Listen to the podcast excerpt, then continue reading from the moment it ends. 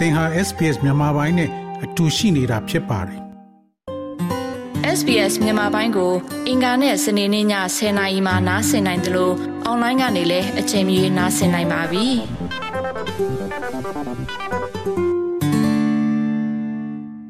ဥရုယာတီတောကုန်မီဆိုတဲ့မြန်မာစကားပုံနဲ့အတူတိုင်းပြည်အတွင်းယာတီဥရုဘေးအန္တရာယ်ကိုရင်ဆိုင်နိုင်မှုဆိုတာတဘာဝပတ်ဝန်းကျင်ပေါ်မိခိုနေပါတယ်။ စစ်တပ်ရဲ့အာဏာသိမ်းမှုကိုရင်ဆိုင်နေရတဲ့မြန်မာနိုင်ငံအတွက်တော့တဘာဝပတ်ဝန်းကျင်ထိန်းသိမ်းမှုလုပ်ငန်းတွေဟာလက်နက်ကင်ပဋိပက္ခတွေရဲ့နောက်ွယ်ကိုရောက်နေရပါပြီ။စစ်ကောင်စီရဲ့အာဏာရရေးကြိုးပမ်းမှုလှုပ်ရှားမှုတွေကဦးစားပေးနေရမှာရှိနေတဲ့အခါအရင်ကအစိုးရနဲ့အဖွဲ့အစည်းတွေပူးပေါင်းလှုပ်ဆောင်လေးရှိတဲ့တဘာဝပတ်ဝန်းကျင်ထိန်းသိမ်းရေးလုပ်ငန်းစဉ်တွေဟာလည်းနောက်ပြန်ဆုတ်နေတာပါ။ နယ်မြေလုံခြုံမှုမရှိတာကြောင့်အဖွဲ့အစည်းတွေလွတ်လပ်စွာလှုပ်ရှားလို့မရတာတရားဥပဒေစိုးမိုးမှုမရှိတာကြောင့်တယံဇာတတွေပိုဆုံးရှုံးလာတာတွေဟာနိုင်ငံရဲ့သဘာဝပတ်ဝန်းကျင်ပျက်စီးမှုကိုပုံမဆိုးရွားလာစေတယ်လို့ပတ်ဝန်းကျင်ထိန်းသိမ်းရေးအဖွဲ့တွေကဆိုပါတယ် Save the Tree အဖွဲ့ရဲ့ဥက္ကဋ္ဌကိုကျော်စီယာကတော့လက်ရှိစစ်အာဏာသိမ်းကာလလုတ်ကန်ရခက်ခဲလာတာနဲ့ပတ်သက်ပြီးအခုလိုပြောပါတယ်လက်ရှိအနေအထားတွေမှာကျွန်တော်တို့က ဟိုလောကကဲတဲ့ အနေထားတိုင်းမှာဒီရှိနေတဲ့တပင်တွေဟို လက်ရှိနေတဲ့ဟိုဒဝပေါင်းကြီးတွေကို ထိမ့်သိမ်းမှုကပိုကခဲလာတဲ့အတွက်မို့လို့ ပိုဆိုးလာတယ်လို့ ပြောလို့ရတယ်ဗျ ဟိုကပြောတဲ့အချက်တွေကို ကျွန်တော်တို့ ဖာသေးဖို့အဲကျွန်တော်တို့ ပြုပြင်မှုလောက်က လက်ရှိမှာ ပိုဆိုးရတော့မို့လို့ လက်ရှိအဲထိမ့်သိမ်းမှုခက်တယ်လို့ ပြောမှာပါအမှန်တော့ ဘယ်လိုပြောမလဲခဏတဲ့ကာလမှာဘောထိမ့်သိမ်းမှုကတော့ အမှန်ပြောရင်တော့ အရင်ကထက် ပိုလို့ရတယ်ဗျ အရင်တော့အရင်အရင်လက်ထက်ကမှအရင်တို့ကလက်ထက်တုန်းက ဒီဝါဘေးဖုံးပြန်မှုဆိုတာမရှိဘူးရှိတယ်ဘောနော်အဲ့ကာလာထဲမှာလည်းကျွန်တော်တို့ပြောခဲ့တယ်ဟိုလိုအပ်ချက်တွေကတကယ်အများကြီးပဲဒီကတက်တာတော့တော်တော်ပြောသေးတဲ့တက်တာမှကျွန်တော်မထိန်ချုံနိုင်ဘူးအဲ့ကာလာထဲရှိတယ်ပေါ့ဒီကျွန်တော်အစိုးရတက်တော်တွေရှိတယ်တက်တော်ဝင်နေကိုချင်းဆိုတော့ဒါများတော့အပြင်တော့တိတ်တော့ကြတဲ့နေရာဖြစ်တဲ့အတွက်မို့လို့မခုတ်ကြတော့အခုကအဲ့လိုတွေ့တယ်များတက်တော်ဝင်ခုတ်အဲအဲ့လိုနောက်ထိန်းထိန်းထားတဲ့ဒေတာတွေဆိုရင်လည်းမထိန်းသိမ်းနိုင်ဘူးမထိန်းသိမ်းတဲ့အတွက်မို့လို့ကျွန်တော်တို့အရင်ရှိနေတဲ့အနေအထားမျိုးစူးစီးနေကျွန်တော်တို့ထိန်းသိမ်းနေတဲ့အနေအထားမျိုးတော့လုံးဝမထိန်းသိမ်းနိုင်ဘူးကျွန်တဲ့နေရာတော့ပြောလိုက်အဲ့တော့လုံးဝ ဘယ်လိုမှကိုကျွန်တော်စဉ်းစားလို့မရတော့အောင်ကိုကျွန်တော်တို့ကဒီတော်တော်ပြုံးနေမှုရှိတဲ့အနေအထားမျိုးတော်တော်လေးကိုဖြစ်နေတယ်ဘယ်လိုမှထိချုံလို့မရတော့ဘူးပြောတော့မှာပဲအဲ့လိုအနေအထားမျိုးမှာကျွန်တော်တို့ကဒီဒီဝိုင်းထင်းတော့ကြောက်ဖို့အတွက်ကတော့ဘယ်လောက်ထိအရေးကြီးတယ်တော့အရေးကြီးပါလေဒီကာလမှာဒီကာလဖြစ်နေလို့ကျွန်တော်မလွယ်ဘူးတော့မဟုတ်ဘောနော်အာကျွန်တော်တကယ်တကယ်ကိုတိတိကျကျကျွန်တော်လုပ်ပြီးလို့တယ်ဒီအနေထားရှင်းပြောတော့ရှင်းလာကြတော့ကျွန်တော်တော်တော်ကြီးကိုကြိုပြောလို့မရတဲ့အနေထားဖြစ်နေတယ်ဘာဖြစ်မလဲဆိုတော့မသိနိုင်တဲ့အနေထားဖြစ် လက်ရှိအာဏာသိမ်းကာလမှာဒေတာအလိုက်လက်နက်ကင်ပဋိပက္ခတွေများလာတာနဲ့အမျှဥပဒေမဲ့တယံဇာတာထုတ်ယူသုံးစွဲမှုတွေလည်းတိုးလာနေပါတယ်။မြန်မာနိုင်ငံအလဲပိုင်းစကိုင်းတိုင်းအတွင်းမှာဆိုရင်အာဏာသိမ်းပြီးနောက်ပိုင်းတရားမဝင်တစ်ခိုးထုတ်တာတွေပိုများလာတာကြောင့်ပြည်သူ့ကာကွယ်ရေးတပ်ဖွဲ့တွေဘက်ကတာမြစ်စာတွေထုတ်တဲ့အထိရှိခဲ့ပါတယ်။ အမျိုးသားဒီမိုကရေစီအဖွဲ့ချုပ် NLD အစိုးရလက်ထက်မှာတော့ကတော့တရားမဝင်တစ်ခိုထုံမှုတွေကိုဖမ်းဆီးအရေးယူခဲ့တာ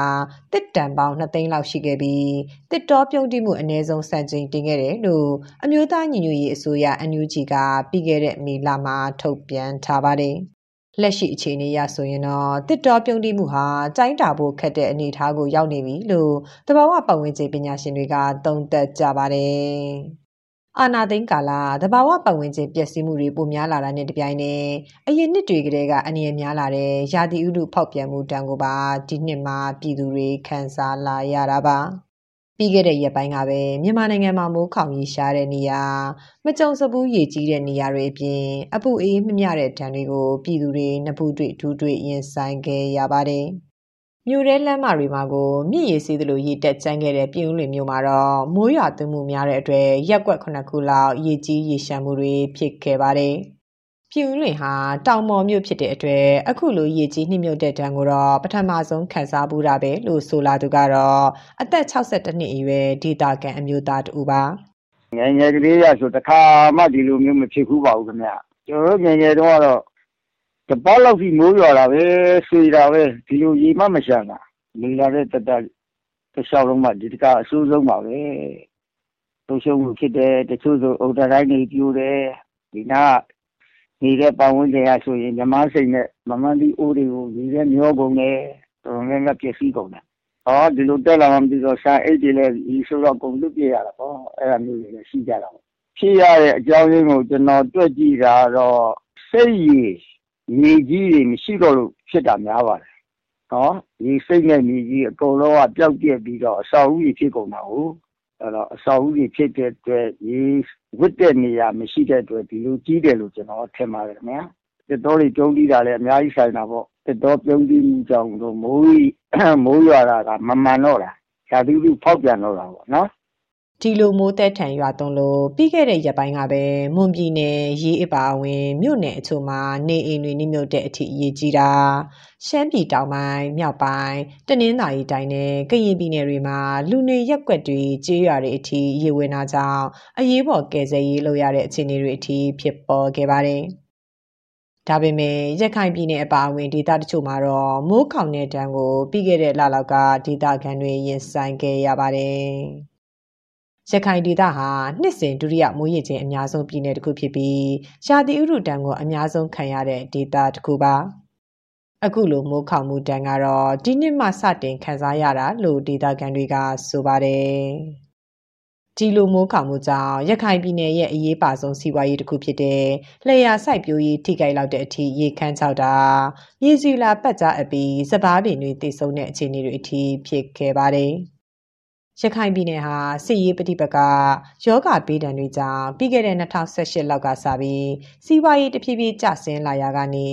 အခုဆိုရာသီဥတုပြောင်းလဲမှုထံကိုပါရင်ဆိုင်ကြုံတွေ့နေရတယ်လို့ရခိုင်ဒေသခံလယ်သမားတဦးဖြစ်တဲ့ဦးလဝင်းအောင်ကပြောပါတယ်လေတမတိကျော်ဒီဒီနှစ်မှာကြတာဒီဒီပြက်ပြက်ကပါစပေါ်ကလို့ကျွန်တော်တို့လေသမားတွေကဒီနှစ်မှာကြတော့ရာထူးပျက်စီးပြီးစဘာအချိန်မီကျဲလို့မရတာတွေ ရောက်လာတဲ့စပားတွေဟာလည်းအားလုံးမုံမရတဲ့အတွက်အပူလောင်ပြီးအားလုံးပျက်စီးသွားပါတယ်ပြိုးတဲ့အချိန်မှလည်းအပင်ကမထွက်ဘူးနောက်ပြီးထွက်နေတဲ့စပားတွေကလည်းမိုးမရွာလို့အပူဒဏ်ကြောင့်အားလုံးတည်ရပါတယ်စပားတစ်နှုံကရင်က6ဧကကျော်စဉ်စပားကနှစ်တိုင်းတစ်ထောင်ကျော်လောက်ထွက်တယ်အခုချိန်တိုင်းတာရဆိုရင်ဒီနှစ်မှာတော့လုံးဝမှန်းလို့မရနိုင်တော့ဘူးဒီတစ်ခါဆိုရင်စပားတစ်ထောင်ထွက်ဖို့မပြောနဲ့900တော့မမှန်းနိုင်ဘူးလာမယ့်နှစ်ဆိုရင်ကျွန်တော်တို့လယ်သမားတွေတောင်စပားမဖြစ်တာကိုကြည့်ပြီးအခြားလှုပ်လှုပ်တဲ့သူတွေလည်းတော်တော်အခက်အခဲတွေ့မှာကိုတွေးပူနေကြပါတယ် ဘာလို့လဲဆိုရင်ကျွန်တော်လယ်သမားတွေမှာစပားထွက်မှတခြားအလုပ်သမားတွေစားရမှာအခုတော့လယ်တွေတလောက်ပျက်စီးပြီးလယ်သမားတွေတောင်ကိုဝမ်းစာကိုမှန်းလို့မရနိုင်တဲ့အခြေအနေနဲ့ကြုံနေရပါတယ်။ကျန်ဖို့အတွက်တော့မလွေးရှိပြီကောင်းကောင်းမှန်တာရဲ့2016ခုနှစ်ရာသီဥတုပြောင်းလဲအန္တရာယ်ကြာရောက်မှုအဆင့်သတ်မှတ်ချက်အရမြန်မာနိုင်ငံဟာတကမ္ဘာလုံးမှာဒုတိယအဆင့်ရာသီဥတုပြောင်းလဲမှုတန်းကိုအခံရနိုင်ဆုံးနိုင်ငံဖြစ်ခဲ့ပါတယ်။ ကြအပြင်တဘာဝဘေးအန္တရာယ်တွေရင်ဆိုင်ရနိုင်ခြင်းမြင့်မားတဲ့နိုင်ငံဖြစ်ပြီး2018ခုနှစ်ကမ္ဘာ့ဘဏ်စစ်တမ်းအရနှစ်စဉ်အမေရိကန်ဒေါ်လာ184တန်ခန့်ဆုံးရှုံးနေတယ်လို့ဖော်ပြချပါတယ်။ဒါဟာအာဏာသိမ်းမတိုင်ခင် NLD အစိုးရလက်ထက်စစ်တမ်းတွေပေါ်အခြေခံပြီးအဲ့ဒီအချိန်ကလေးကစည်ရင်နှွမ်းပါတဲ့ပြည်သူတွေပုံမူထိကြိုက်ခံစားရလိရှိတာကိုလည်းထောက်ပြထားပါတယ်။ ဒါကြောင့် NLD လက်ထက်မှာပဲကမ္ဘာဘဏ်ကအပြည်ပြည်ဆိုင်ရာဖွံ့ဖြိုးရေးချင်းငွေအမေရိကန်ဒေါ်လာ116တန်းကူညီပြီးတဘာဝဘေးရန်ရတွေအတွက်စီမံကိန်းချလှုပ်ဆောင်ခဲ့ပေမဲ့အာဏာသိမ်းလိုက်ချိန်ကစလို့ဒီလိုစီမံကိန်းတွေဟာလည်းပျောက်ပြဲခဲ့ရပါပြီ။စစ်ကောင်စီကလက်ကင်ဆွဲထားတဲ့2008ဖွဲ့စည်းပုံအခြေခံဥပဒေပုံမှ45မှာတော့နိုင်ငံတော်သည်တဘာဝပတ်ဝန်းကျင်ကိုထိန်းသိမ်းဆောက်ရှောက်ရမည်လို့ပြဋ္ဌာန်းထားပါတယ်။ လက်တွေ့မှာတော့2008ဥပဒေအကြောင်းပြအာဏာသိမ်းခဲ့တဲ့စစ်ကောင်စီဟာတဘာဝဘေးအန္တရာယ်ဖြစ်ပေါ်မှုတွေကိုအခြေခံစီတဲ့တဘာဝပတ်ဝန်းကျင်ပျက်စီးမှုကိုထိန်းသိမ်းဖို့လှုံ့ဆော်ချက်တွေကိုအကောင့်ထဲပေါ်နိုင်ခြင်းအလျင်မရှိခဲ့ပါဘူး။အာနာသိန်းကာလတစ်နှစ်ခွဲကျော်လာတာနဲ့အမျှမငြိမ့်နိုင်တဲ့ပြည်တွင်းစစ်မီတွေနဲ့အတူတဘာဝပတ်ဝန်းကျင်ပျက်စီးမှုဟာလည်းရက်တက်နေမှာမဟုတ်ဘူးလို့တဘာဝပတ်ဝန်းကျင်ပညာရှင်တွေကလည်းမှတ်ချက်ပြုကြပါတယ်။ အခြေအနေတွေဆက်မဆိုးရဖို့ဆိုရင်လူငယ်မျိုးဆက်တစ်တွေအနေနဲ့တက်နိုင်သလောက်လှုပ်ဆောင်ကြဖို့လိုတယ်လို့တဘာဝပတ်ဝန်းကျင်အရေးတက်ကြွလှုပ်ရှားသူဒေါ်တီဝီတက်စင်ကဆိုပါတယ်ဟိုလက်ရှိအခြေအနေနဲ့ကတော့ဘာမှဟိုလုပ်လို့ရကြမှာမဟုတ်ဘူးဒေါ်လေးတိတက်လောက်လေဒေါ်လေးတို့မြင်တဲ့အနေကတော့တဘာဝပတ်ဝန်းကျင်ကတော့ညံ့နေမှာမဟုတ်ဘူးလေပုံတိုင်းလာတဲ့အချိန်လဲနေပါအောင်ကျမတို့ဒီမှာအာဖလာကိုနေနေဖြစ်နေလို့ပါ နော်မလာပါနဲ့အောင်လို့တားလို့မရဘူးလေရေကြီးတာလည်းဒီလိုပဲလေနော်ဒီကဘာကြီးရှေ့ကိုဖြစ်မဲ့အလားအလာပေါ့နော် global warming climate change ကဒါတော်လေးတို့မာကြီးရင်မဟုတ်ဘူးအားလုံး crisis ပဲလေနော်အဲ့တော့ကြံခဲ့မဲ့လူငယ်တွေကဆက်လုပ်ဖို့လိုတယ်အဲ့တော့ကိုတိုင်းပြည်တစ်ခုတည်းလည်းလုပ်လို့မရဘူးအဲ့တော့အားလုံးဒီကဘာလုံးလုပ်နေတဲ့လူတွေနဲ့လက်တွဲပြီးတော့ တာဝန်ဆက်ယူရမှာတော်လေးကတော့မျိုးစည်းတွေအကုန်ချပေးခဲ့တာပဲနော်အဲ့တော့ချပေးခဲ့တဲ့မျိုးစီကနေအပင်လေးပေါက်လာလို့ရှိရင်ဒါကိုရေလောင်းပေါင်းတင်ပြီးတော့လူများတွေကိုအရေးပေးနိုင်အောင်နော်တကယ်အစိမ်းရောင်မျိုးဆက်တွေကဘာကိုဆက်ပြီးတော့အလုပ်လုပ်ပေးပါလို့တော့လေးမှားချင်တာတစ်ခုပါပဲတဘာဝပတ်ဝန်းကျင်ဆိုတာကဘာဦးစာကလေးကလူအပါဝင်တက်ရှိတက်မယ်ရီရဲ့မိခိုအားချာယာတစ်ခုပါ အာနာသိန်းစစ်ကောင်စီလက်ထက်မှာတော့လွဲချော်နေတဲ့စီမံခန့်ခွဲမှုတွေနဲ့အတူပတ်ဝန်းကျင်ထိန်းသိမ်းမှုဟာလည်းအမေရော့ကန်လုပ်ငန်းစဉ်တွေကတစ်ခုအဖြစ်ရှိနေပါတယ်ဒီအခြေအနေတွေကြားမှာတဘာဝပတ်ဝန်းကျင်ပျက်စီးမှုရဲ့အကျိုးဆက်တွေတိုင်းကိုရင်ဆိုင်နေရတဲ့ပြည်သူတွေအတွက်တော့ဖြည့်ရှင်းစရာနည်းလမ်းဟာအကြိမ်ကြိမ်မဲ့နေရစေပါဒီသတင်းဆောင်မကိုတန်လွင်ခက်ကပေးပို့ထားတာဖြစ်ပါတယ် sbs.com.au/bemis ကို home နေရာမှာထားပြီးတော့အမြဲတမ်းနှားဆင်နိုင်ပါတယ်။နောက်ဆုံးရသတင်းတွေ၊စောင်းမားတွေနဲ့စစ်တမ်းတွေမှာပါဝင်ပြီးတော့ဆက်သွယ်မှုလုပ်နိုင်ပါတယ်။ sbs.com.au/bemis ဖြစ်ပါတယ်ရှင်။